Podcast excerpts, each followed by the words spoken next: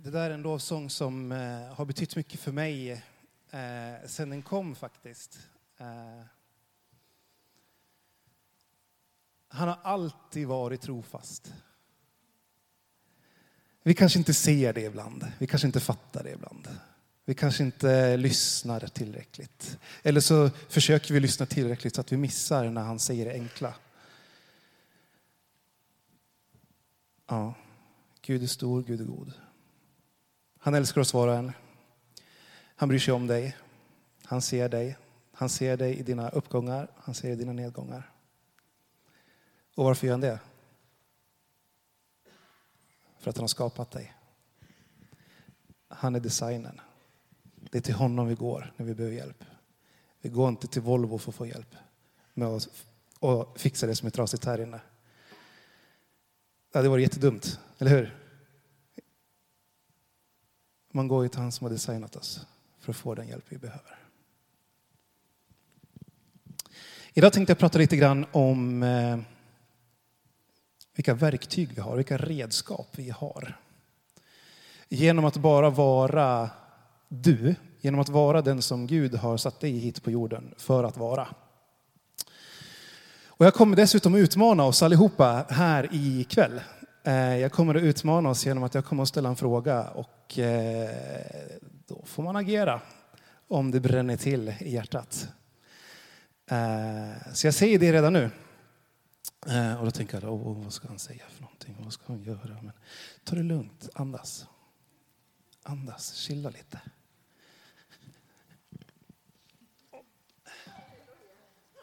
Jag tar den här först. Titta! Är det någon som ser vad det här är för något? Det är stav, eller hur? Några kanske tänker att det här är en pinne bara, men idag är det här en stav. Eh, Mose var en eh, kille som var jude. Och eh, jag tänkte att vi skulle berätta lite kontext här innan jag börjar på att. Man behöver en kontext för att fatta vad det är för något som händer, eller hur?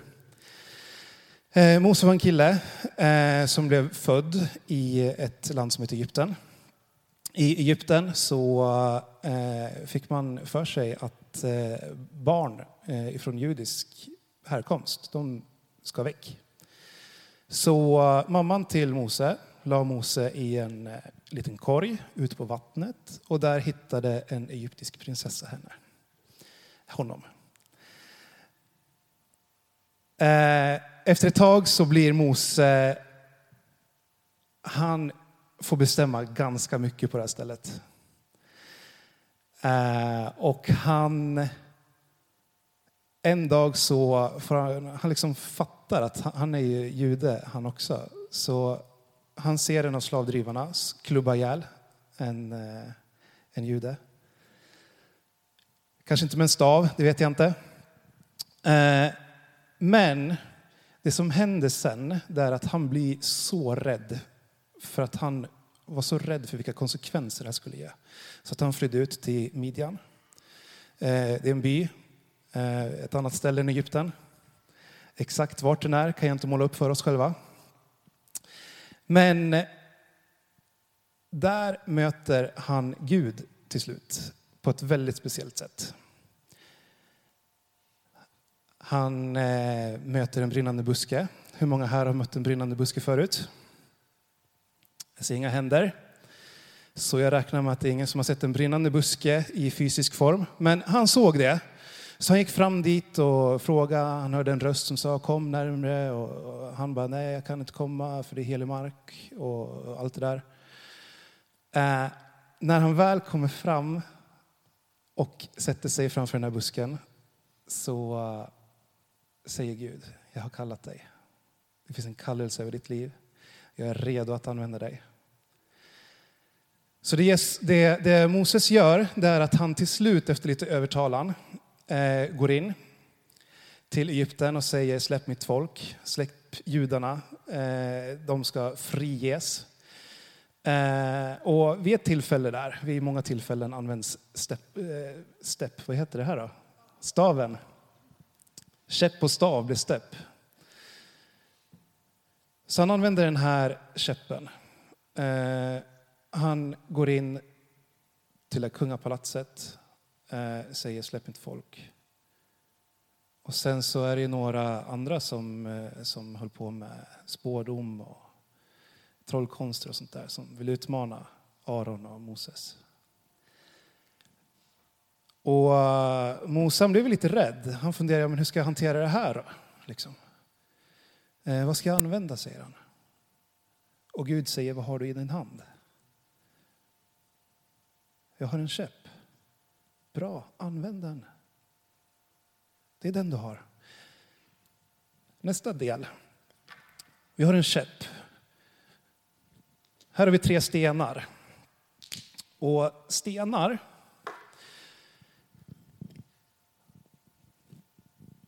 de kan vi göra mycket roligt med.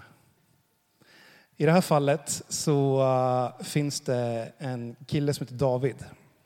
David han var en ganska liten kille. David var en, eh, en, den yngsta brorsan. Eh, han såg inte så mycket ut i världen. Men han var en herde. Eh, han visste hur det var att vara en herde. Han hade koll på det här, hur det var att eh, hantera djur. Han hade koll på hur det var att eh, säga åt rovdjur eller döda rådjur att försvinna härifrån. Ni har inte här att göra. Ni har inte rätt att ta den jord som jag hanterar här. Jättebra eh, förebild på hur det är att vara en ledare i allmänhet. Eh, så. Han möter en jättelång snubbe från Gat som heter Goliat. Eh, och jag tror att vi alla har hört den berättelsen här inne. Om hur David eh, får på sig en utrustning. Han får på sig eh, svärd, han får på sig en sköld. Eh, han skulle egentligen inte få möjligheten att slåss, men han fick de här grejerna för att han sa att jag kan ju klå den där snubben. Han fick utrustning, han hade någonting i sin hand. Men hade han det som han var bra på?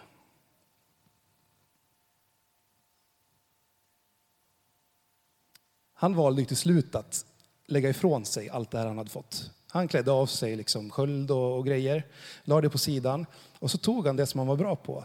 Då tog han fram sina stenar, sina runda, eh, väl, alltså runda, väldigt släta stenar som han var expert på att hantera. Han hade en slunga, slungade, kasta på en gång så fick han ner den här stora jätten. Jag tycker det är helt fantastiskt eh, att se vad som händer när rätt människa använder det redskap som den människan har fått. Ni vet hur det kan bli när eh, jag tänker på hur roligt det skulle vara om jag skulle spela trumpet till exempel. Nog för att jag är trumpetare, för jag spelar ju trummor, så då petar jag på trummorna. Eh, men jag är inte trumpetare så att jag spelar trumpet. Så. Eh, men jag är inte kallad till att spela trumpet helt enkelt. Jag har en annan gåva och jag använder den gåvan. Det skulle vara jätteroligt att se någon som inte kan spela fotboll spela fotboll. Eh, då kanske vi uppfinner en helt ny sport, vad vet jag. Eh, men det hade ju varit fantastiskt kul att se. Eh, men det kanske inte var ämnat för den personen att spela fotboll. Eh,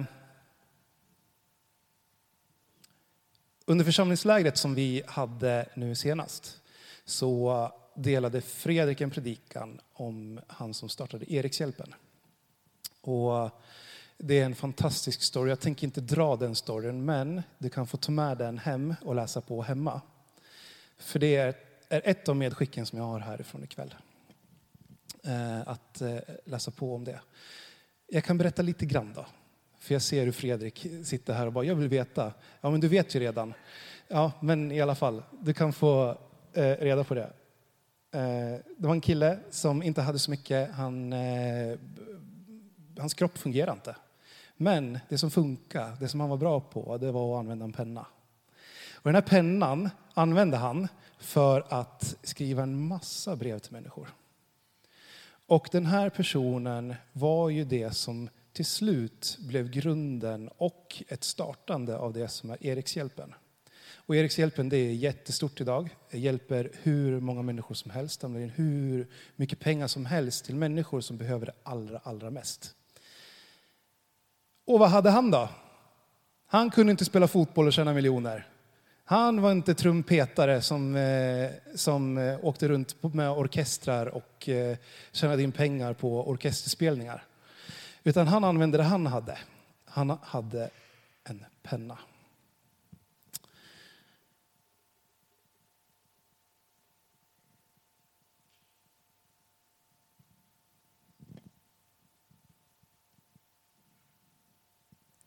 Jag har skrivit ner så här.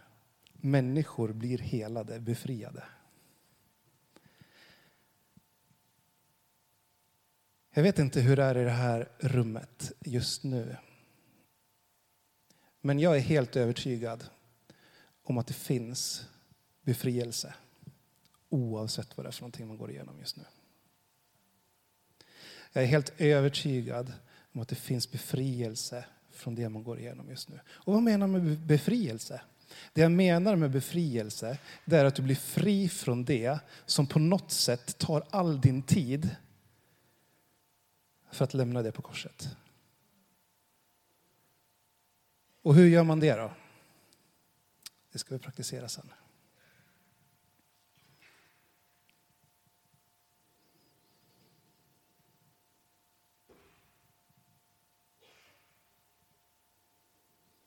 Har ni era biblar med er? Det finns små biblar annars som är jättebra. Och eh, om ni har dem så får ni jättegärna följa med mig här.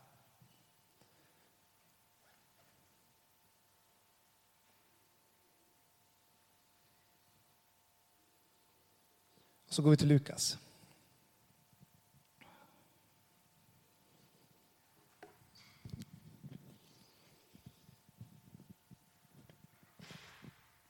Eh, och när vi hittar Lukas så går vi till kapitel 8.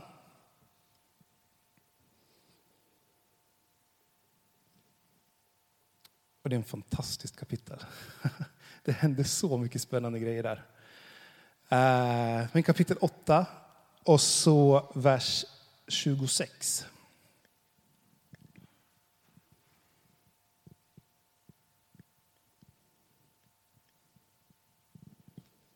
Lukas kapitel 8, vers 26.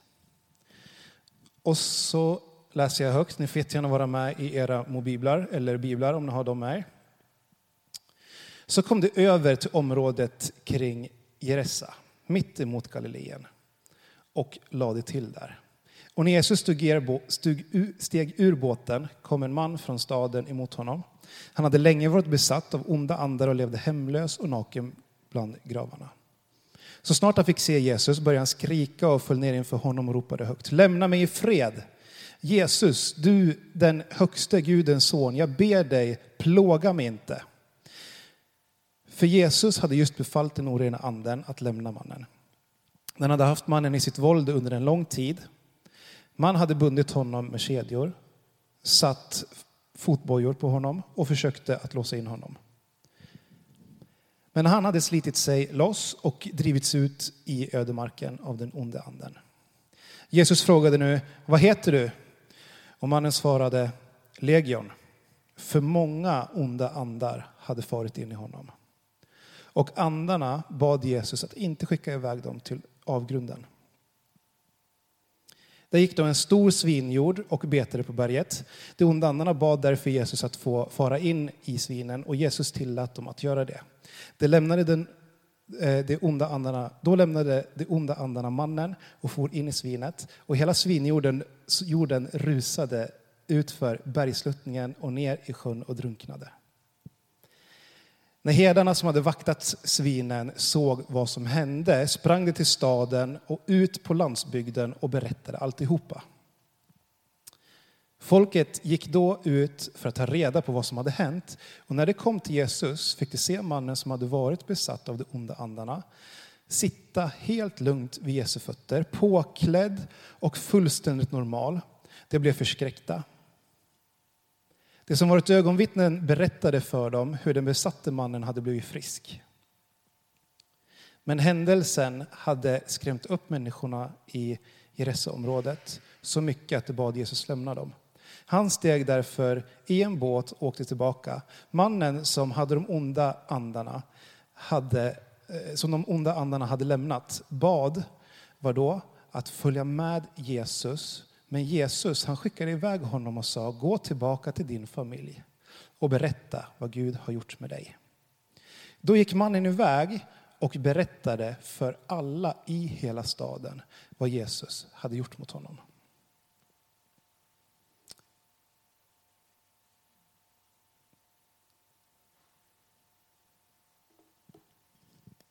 Supercool story tycker jag. Hur bra som helst.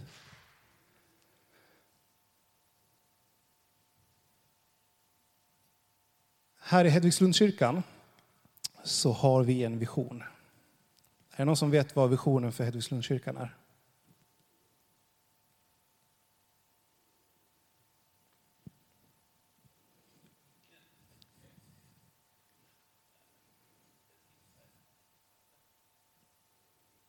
Det finns. Jag tycker att det är bland de bästa visionerna som finns.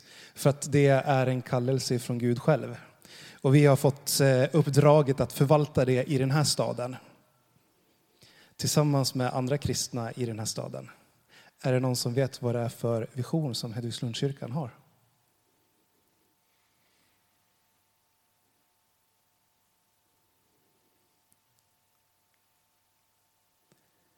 I och med att vi har så många nya människor här idag så tänkte jag att jag bara skulle påminna om, eller berätta för er, att den fantastiska visionen som Hedvigslundskyrkan har, är att varje Gävlebo ska få en rimlig chans att tacka ja till Jesus.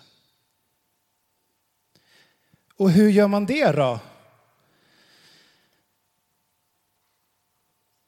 Tänker ni att vi ska... Hur, har du något förslag Fredrik? Nej? Du har slut på förslag? Det tror jag inte. Hur gör man det? Rent praktiskt, hur går det till?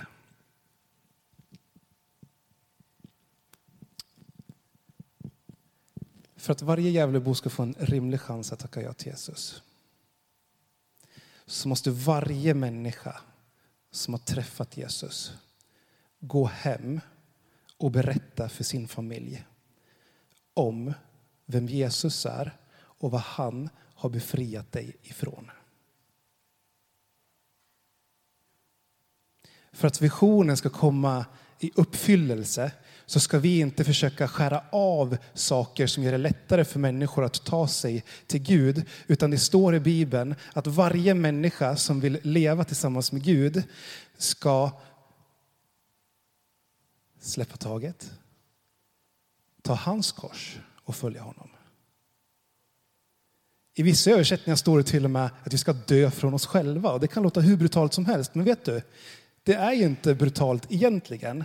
För han som har designat och skapat oss, han vill ju att vi ska komma tillbaka till ursprungsformen. Så som han som har designat oss har tänkt sig att ha en relation med oss. Och det budskapet, att vi inte bara lever här 80, 90, 100 år här på jorden. Alltså det stannar inte där. Det stannar inte med 80, 90, 100 år. Utan vi tror ju också på att det finns en evighet. Så vi är ju bara här, hur många år då på en evighet? 80, 90, 100 år på en evighet. Och man kan se det så här som att vi bara är här en liten, liten glimt av evigheten. Och när vi har det perspektivet på att vi bara lever här en liten, liten del av hela evigheten så är det enkelt för mig i alla fall, men jag uppmuntrar oss allihopa. Det är inte enkelt ibland, det är svårt att lämna sig själv. Det finns ett ego i oss alla på något sätt i och med syndafallet. Men när vi lämnar det inför korset så behöver inte vi vara rädda. Vi behöver inte känna att vi går i oförlåtelse med människor. Vi behöver inte känna att vi behöver prestera. Utan det enda vi behöver göra är att lämna över. Så vad är det för någonting du har? Vad är det för någonting som du har som gör att du kan gå ut till människor och berätta att Jesus älskar dem? Att han har en plan för dem. Att det finns ett syfte med varje människas liv. Att det finns en tanke med varje människas liv. Att inte den tanken eh, som Gud har för dig är större än det som eh, har blivit oförlåtet i ditt liv. Hans sätt att se dig på är större än vad din åsikt är. För Gud sitter på tronen. Det är han som är in charge. Och han kommer inte att se till att du mår dåligt. Han kommer att fylla dig med precis allt det du behöver för att hantera vilken situation som helst. Kolla på Sedrak, Mesak och Avednego. Vem stod i, i den brinnande ugnen? När det var som hetast, när det var som jobbigast. Jesus själv var där. Vet ni om att ni utgår från Jesus varje dag? Du behöver inte göra saker för att få hans eh, bekräftelse eller hamna högre på hans ranking. För det finns ingen ranking. Han älskar dig för den du är, inte för det du gör. Eller hur? Så du behöver inte vara rädd för något. Låt Gud göra grejen. Vi utgår från honom varje dag. När du vaknar på morgonen så behöver inte du gå och ha din morgonandakt i ditt bönerum för att redan utgå ifrån honom. Han längtar till den stunden. Men du är redan med honom när du vaknar.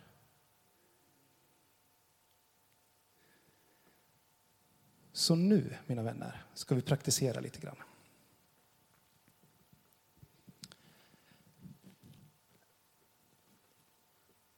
Jag vet inte hur många vi kan vara här ikväll, men jag skulle gissa att vi är runt 60, 70 kanske. Och det betyder att det finns 60-70 olika berättelser om hur Gud har mött er.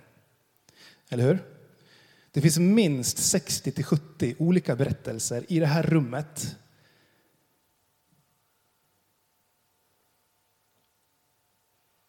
Och jag vet att människor längtar till att få höra din berättelse.